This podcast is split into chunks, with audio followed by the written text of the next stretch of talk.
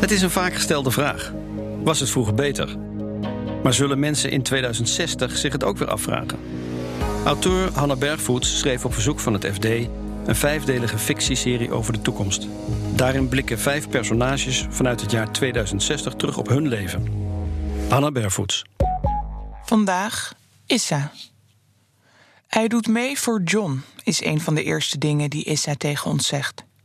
We zijn op bezoek in zijn seniorenwoning in Zwaluwhoog, het zorgcomplex waar hij zelf 25 jaar werkte. Ik wil wel over vroeger vertellen, maar dan vooral over John, zegt hij. Issa's goede vriend overleed vorig jaar na een tweede hersenbloeding. Zolang ik over hem vertel, dan blijft hij levend. Is dat een oude wijsheid uit het land waar Issa geboren werd? Vlug schudt hij zijn hoofd. God nee, hij hoorde het ooit in een Amerikaanse zombie-serie. De doden leven voort in onze verhalen, zei iemand dan. Daarom moeten wij doorgaan.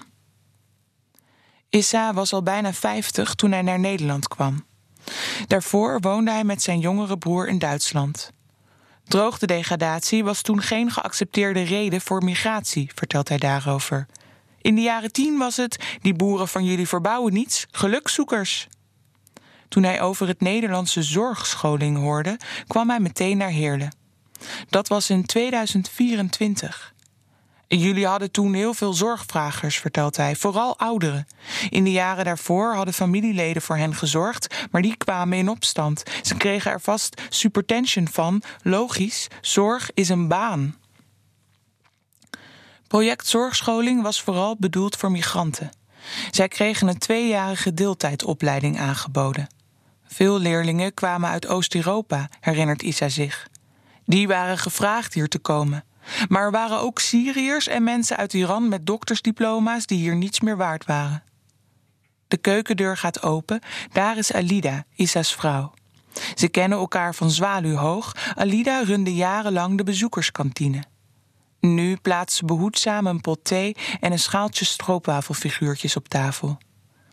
Vinden ze het niet raar om te wonen waar ze ooit werkte? Ze schudden tegelijkertijd van niet. Eerder vertrouwd, zegt Alida. Beiden zijn ze blijven werken tot ze op hun 74ste met pensioen moesten. Isa coördineert nu als vrijwilliger de sportzondagen voor 100-plussers. Weet je dat we dat vroeger heel oud vonden, mensen van 104, zegt hij. 85 vonden we al oud, lachte Lida. Wat dat betreft hebben we het nu beter dan vroeger, zegt ze, voorzichtig inhakend op onze vraag van vandaag. Issa knikt, maar grijpt dan in. We dwalen af, het moet over John gaan. John is John van der Lampen, oud collega. Ze ontmoeten elkaar tijdens de module communicaties van Issa's eerste zorgscholingjaar. John was wat ze toen noemden een zij-instromer. En John was boos, herinnert Issa zich. Hij knijpt zijn ogen samen, zo keek John. Hij kwam van het leger, zegt Issa. Daar deed hij human intelligence. Weten jullie wat dat is? John praatte met de lokale bevolking van Irak, vertelt Issa. Hij sloot vriendschappen met burgers, gaf hen mobieltjes. In ruil daarvoor vertelden ze waar ze rebellen bermbommen hadden zien plaatsen. Dat werkte, zegt Issa. Meer human intelligence, minder doden. Cijfers zeiden het. Big data, hè, zegt Alida. Zo heette dat toen. John vertelde vaak over zijn vorige baan, herinnert Issa zich. Hij zag burgers niet als informatiemachines, hij zag ze als mensen, als vrienden. Maar die cijfers. In de gebieden waar hij werkte nam het dodenaantal juist niet af, zegt Alida. Issa schudt zijn hoofd. Toen is John opgestapt. Hij zei: De waarde van menselijke contact is niet meetbaar. Daarom haatte hij die module communicatie. Hij zei: Ik weet hoe je met iemand praat. Ik zei: Nou, ik niet. Toen hebben we mijn toets samen gemaakt. Vanaf dat moment waren ze bevriend, vertelt Issa. En dan valt hij stil, plukt wat aan zijn stroopwafelhart. Alida neemt het over. Toen ik ziek werd, stond John dagelijks op de stoep met een stoofschotel. Zondag maakte hij vijf porties met zijn vrouw, zodat hij elke dag een bakje goulash kon komen brengen. Twintig jaar werkten Issa en John samen. Bedden verschonen, gehoorapparaten programmeren en vooral veel praten met de bewoners. Wat hadden ze nodig? John was getuige bij hun huwelijk, zegt Alida. En ze steunden elkaar in mindere tijden. John's scheiding, Alida's ziekte, het overlijden van Issa's broer en later op het werk bij al die reorganisaties. Vroeger grapten we wel eens dat robots het ooit zouden overnemen, zegt Alida. Zover is het natuurlijk niet gekomen, maar technologie transformeerde de werkvloer wel degelijk. Alida kijkt naar Issa. Wat kregen we nou allemaal? Issa vertelt over een computersysteem waar hij de naam niet meer van weet. Vroeger moesten we zelf invoeren wanneer iemand opstond. Dankzij de smartbeds werd dat vanzelf bijgehouden. Daarna kregen bewoners bandjes die beweging maten, maar die bleven maar even. Issa denkt na.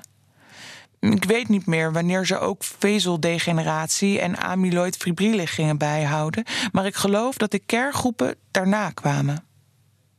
De kergroepen waren onderdeel van MOHAC, een personalized healthcare system dat in de jaren 30 overwaaide uit Scandinavië. Het systeem deelt bewoners van zorginstellingen in op gezondheidsstatus, gebaseerd op ST-data, destijds dagelijks verkregen uit bodymetingen, LT-data, gegevens verkregen over een langere periode, en prognoses, voorspellingen op basis van contextuele data zoals genetische profielen. Op basis daarvan werden bewoners ingedeeld in een specifieke kergroep, vertelt Issa. Voor de gezondste groep waren minder verzorgers nodig en de zwakste groep mocht per zorgcomplex niet te groot worden. Best logisch, mompelt Alida. Maar John vond het niks, zegt Issa. Hij was bang dat mensen zorg mis zouden lopen. Alida. Hij dacht natuurlijk aan wat hem in het leger was overkomen. Issa. Hij beet zich vast. Kwam met artikelen van tegenstanders uit Zweden. Je deelt mensen in op basis van onvolledige gegevens, zeiden die. Niet elke zorginstelling had bijvoorbeeld apparatuur voor neurale scans. Wij destijds ook niet. We zouden geen volledig beeld krijgen. Daarbij dwing je mensen gevoelige informatie te delen, want zonder data geen groepsindeling. John zei: we moeten naar de mensen kijken. Alsof we niet meer naar de mensen keken, zegt Alida zacht. Issa doet of hij het niet hoort. Het was een principekwestie. John wees bewoners op hun rechten. Ze hoefden zich niet te laten monitoren. Toen kwamen de weigeraars en John kreeg een berisping. Hij zou de bewoners opjutten. Hij heeft het ook niet handig aangepakt, zegt Alida zacht. Maar opjutten, Alida. En Issa heft zijn armen. Wat John deed, was met die mensen praten, zoals hij altijd gedaan had. Was Issa het met hem eens? Hij laat zijn armen zakken. We konden hem niet steunen, zegt hij plotseling zachter. Het zou de bewoners verwarren. In Scandinavië werkte dat systeem, wij wilden afwachten. Kon John absoluut niet hebben, zegt Alida. En ze vertelt hoe John hen van verraad betichtte. Hij vertrok bij zwaluwhoogte, nam de telefoon niet op wanneer ze belden. Mohawk werd ondertussen aangepast. Er kwam een familieoverleg waarin bewoners konden meebeslissen over indelingen. Werkte prima, mompelt Alida. Dan vertelt ze dat ze vorig jaar voor het eerst in jaren iets van John vernamen. Een verjaardagskaart voor Issa, zegt ze. Later hoorden we dat John toen al een hersenbloeding had gehad. Hij wilde contact, zegt Issa. Alida legt een hand op zijn arm. Hij heeft altijd gezegd dat hij van je houdt. Issa schudt zijn hoofd. Dat was voor zijn vertrek, zegt hij stellig. Voor het verraad. Het geldt niet meer. Dat weten we niet, zegt Alida en ze kust Issa op zijn slaap. We praten nog even over John. Hoe ze samen op vakantie in Roemenië en die ene keer met die patiënt die dacht dat hij eindexamens had. Dan klopt er iemand op de deur. Een verzorger van zwaluwhoogte. Ze kreeg een cortisolmelding over Issa binnen. Is alles oké hier? Issa tikt op het bultje op zijn pols. Daaronder zit de nieuwste Mohawk Noon Tracker. Ja hoor, zegt hij. Alles is prima.